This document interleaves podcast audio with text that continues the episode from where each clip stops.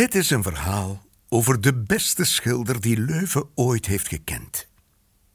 Een man die aan het einde van de middeleeuwen dingen met zijn penseel deed, waar mensen in heel Europa stijl van achterover sloegen, van bewondering en van jaloezie. In een tijd waarin de meeste schilders alles even groot naast elkaar schilderden. Voilà, het is afzijden en naar huis gingen. Zorgde één man eindelijk voor diepgang. De schrik van elke Vlaamse primitief. Een echte krak in kleur en perspectief.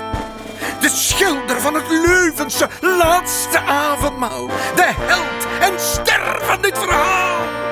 En het is natuurlijk...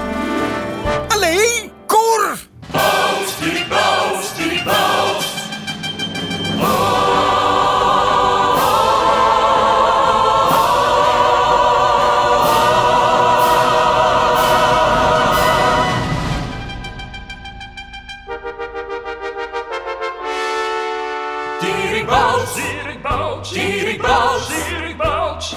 Ooit was hij heel jong en daarna waarschijnlijk oud. Dierik Bouts, Dierik Bouts, Dierik Bouts. Er is vast wel eens iets goeds en soms ook wel iets stouts.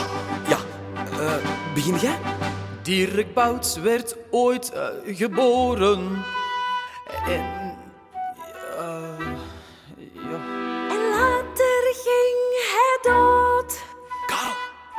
Jij nog iets? Ah, eh, ja, ik, eh, ja. Als baby was hij klein. Maar als volwassene dan groot. Nee? Hij had minstens ook één hand. Daar zijn we zeker van. Omdat je anders echt wel moeilijk.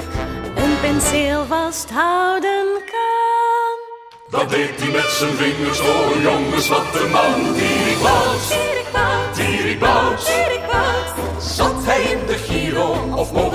de scouts? Dierik Bouts, Dirk Bout. Dierik Bouts. Er is niks van hem geweten. Niemand die iets heeft. Onthoud. Dierik Bouts, Dierik Bouts, Dierik Bouts, Bouts. Hij kon likken aan zijn elleboog. Nee jongens, dat is iets fout. Dierik Bouts, Dierik Bouts, Dierik Bouts, Dierik Bouts. Werkte hij te hard, Dan had hij vast wel eens burn-out. Dierik Bouts, Dierik Bouts, Bouts, Dierik Bouts. Niks onderbouwd? Bouts, Dierik Bouts.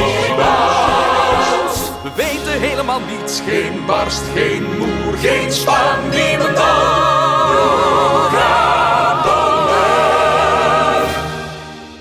over Dierik.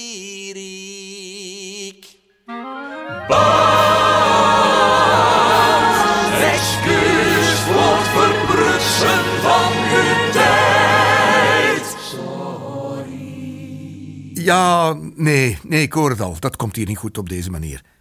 Pas op, jullie kunnen er niks aan doen, hè, dat jullie niets te vertellen hebben over Dirk Bouts. Dat ligt namelijk aan onze schilder zelf.